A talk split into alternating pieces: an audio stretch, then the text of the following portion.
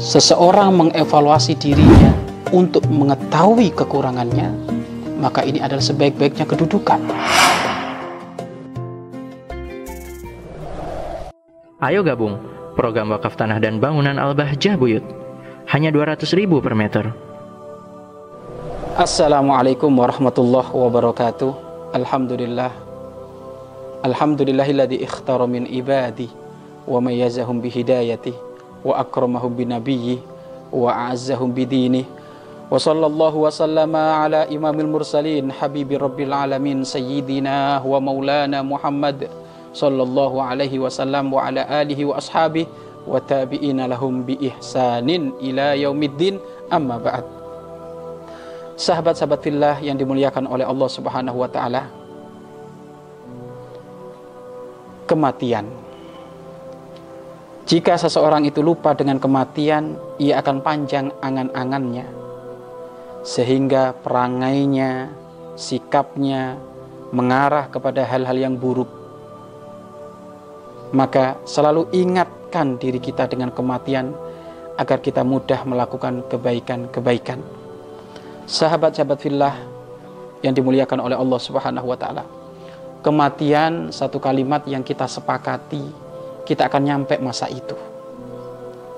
Bahkan tidak ada satupun orang yang bernyawa jika ditanya tentang kematian, mereka berkata, oh enggak, saya enggak bakal mati, enggak ada yang jawab kayak gitu.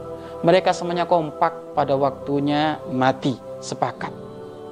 Jadi kalimat ini adalah kalimat yang hampir disepakati oleh siapa pun yang bernyawa. Baik dari kalangan manusia atau binatang, mereka semuanya pasti bakal mati.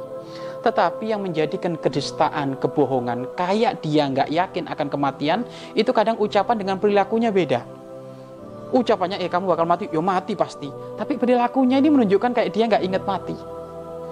Loh orang kalau sudah nggak ingat mati ini bahaya angan-angannya tinggi, cita-cita akan urusan dunianya melambung tinggi sehingga melupakan kehidupan akhirat. Dunia ini sementara, akhirat selama-lamanya. Dunia ini 70 sampai 80 paling lama 100 tahun. Akhirat selama-lamanya abada fiha selama-lamanya di akhirat. Maka jangan sampai kita lupa tugas kita adalah untuk bercocok tanam ada di dunia ini yang sementara ini agar supaya bisa menggapai kemuliaan selama-lamanya di akhirat. Ad-dunya mazra'atul akhirah. Dunia ini tempat cocok tanam untuk kehidupan kita di akhirat. Maka kalau kayak gitu, orang yang ingat kematian ini penting. Maka disebutkan oleh baginda agung Nabi Muhammad SAW, Al-Aqiyas, orang yang cerdas itu siapa? Orang yang cerdas itu adalah orang yang paling banyak mengingatkan mengingat dirinya akan kematiannya, evaluasi untuk kebaikan yang akan dipetik nanti di saat dia sudah ditanam di dalam kuburan. Maka dari sini kita harus menjadi orang cerdas. Orang cerdas bukan orang yang pandai hitung-hitungan, orang yang bisa ngitung profit berapa, ya kan? Orang yang bisa gambar ini, gambar itu, properti ini, itu bukan orang cerdas itu. Itu cerdas dunia itu. Cerdas akhirat bagaimana? Aksaru, uh, orang yang paling banyak mengingat kematian. Itu orang yang paling cerdas. Dan orang yang hidup mengingat kematian itu bukan berarti harus sedih gitu, enggak. Di saat ada suami bertutur kata kasar kepada istri, kalau suami itu ingat mati, maka tutur katanya lembut. Jadi indah akhlaknya, perangainya jadi indah. Ada tetangga tidak akur dengan tetangga, kalau dia ingat mati akan menjadi akur.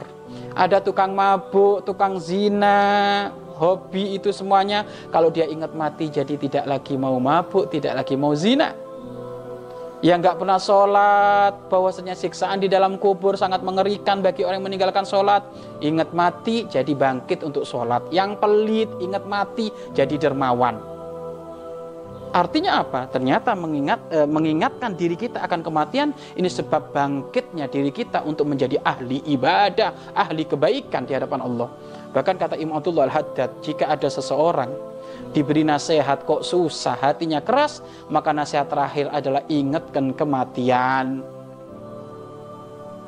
Wahai para pemirsa di mana pun Anda berada, apakah Anda sudah membayangkan jika, jika diri Anda sudah dikeluntungkan di ruang tengah, di kanan kiri Anda, orang tua Anda, istri Anda sedang menangis, Anda dikeluntung, dikeluntungkan di ruang tengah itu Anda nggak bisa ngapa-ngapain karena Anda sudah tidak bernyawa.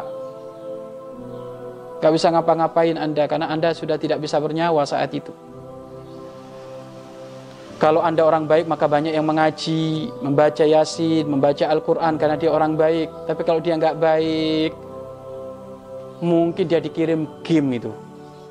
Orang tuanya mati, anaknya nggak baik, akhirnya ternyata semuanya pada baca Yasin dia main game. Waduh, ngenes itu. Orang tua mati dikirim main game itu. Makanya, ayo kita akan nyampe pada masa itu, kita akan digeluntungkan di ruang tengah kita. Kita nggak bisa nggak bisa ngapa-ngapain, nggak bisa pakai baju sendiri, tidak bisa mandi. Ternyata kita harus dimandikan, diberi kain kafan. Bajunya orang masuk ke liang lahat itu. Setelah itu sudah masuk kain kafan, langsung nanti kita akan dijemput dengan satu kendaraan istimewa keranda yang berodahkan manusia. Maka kita jasad kita akan diangkat masuk ke keranda kemudian dibawa ke satu tempat yang sepi yaitu kuburan. Tempatnya saja sudah sepi ternyata masuk ke liang lahat lebih sepi lagi dan lebih gelap masuk ke liang lahat lebih sepi lebih gelap lagi ternyata di situ luas tak enggak ternyata sempit sudah sempit kita pun harus dihadapkan ke kiblat tubuh kita kemudian dikasih palang-palang palang-palang kayu di atas kita lebih sempit lagi kemudian tanah demi tanah ditaburkan di, di atas kita. Mula-mula ditaburkan dengan pelan, kemudian langsung diuruk seketika itu. Barulah setelah pengurukan selesai, sudah di, di, dikubur selesai, barulah di kanan kirinya ada batu nisan bernamakan Fulan bin Fulan. Kita akan nyampe semuanya itu. Maka jangan merasa diri kita hidup selama-lamanya di dunia, enggak. Dan ajal akan datang tidak izin dan pulang pun tidak pamit datangnya adalah sewaktu-waktu. Idza jaa ajaluhum la yastakhiruna sa'ata wa. Jika ajal datang waktunya enggak mundur, waktunya enggak maju, tepat waktu sesuai yang dikehendaki oleh Allah Subhanahu wa taala. Bisa jadi lagi makan kita mati. Bisa jadi lagi nonton televisi kita mati. Bisa jadi kita lagi zina naudzubillah min dalik mati. Bisa jadi kita lagi mabuk naudzubillah min dalik kita mati. Bisa jadi kita lagi sujud mati nikmat bisa jadi kita lagi baca Al-Quran kita mati. Masya Allah nikmat. Lagi bangun malam kita mati. Masya Allah nikmat. Lagi berbakti kepada orang tua kita mati. Nikmat. Dan banyak orang-orang soleh seperti itu. Meninggal lagi ceramah. Meninggal lagi mengajar. Meninggal lagi berbakti kepada orang tua. Ini impian dari para kekasih Allah.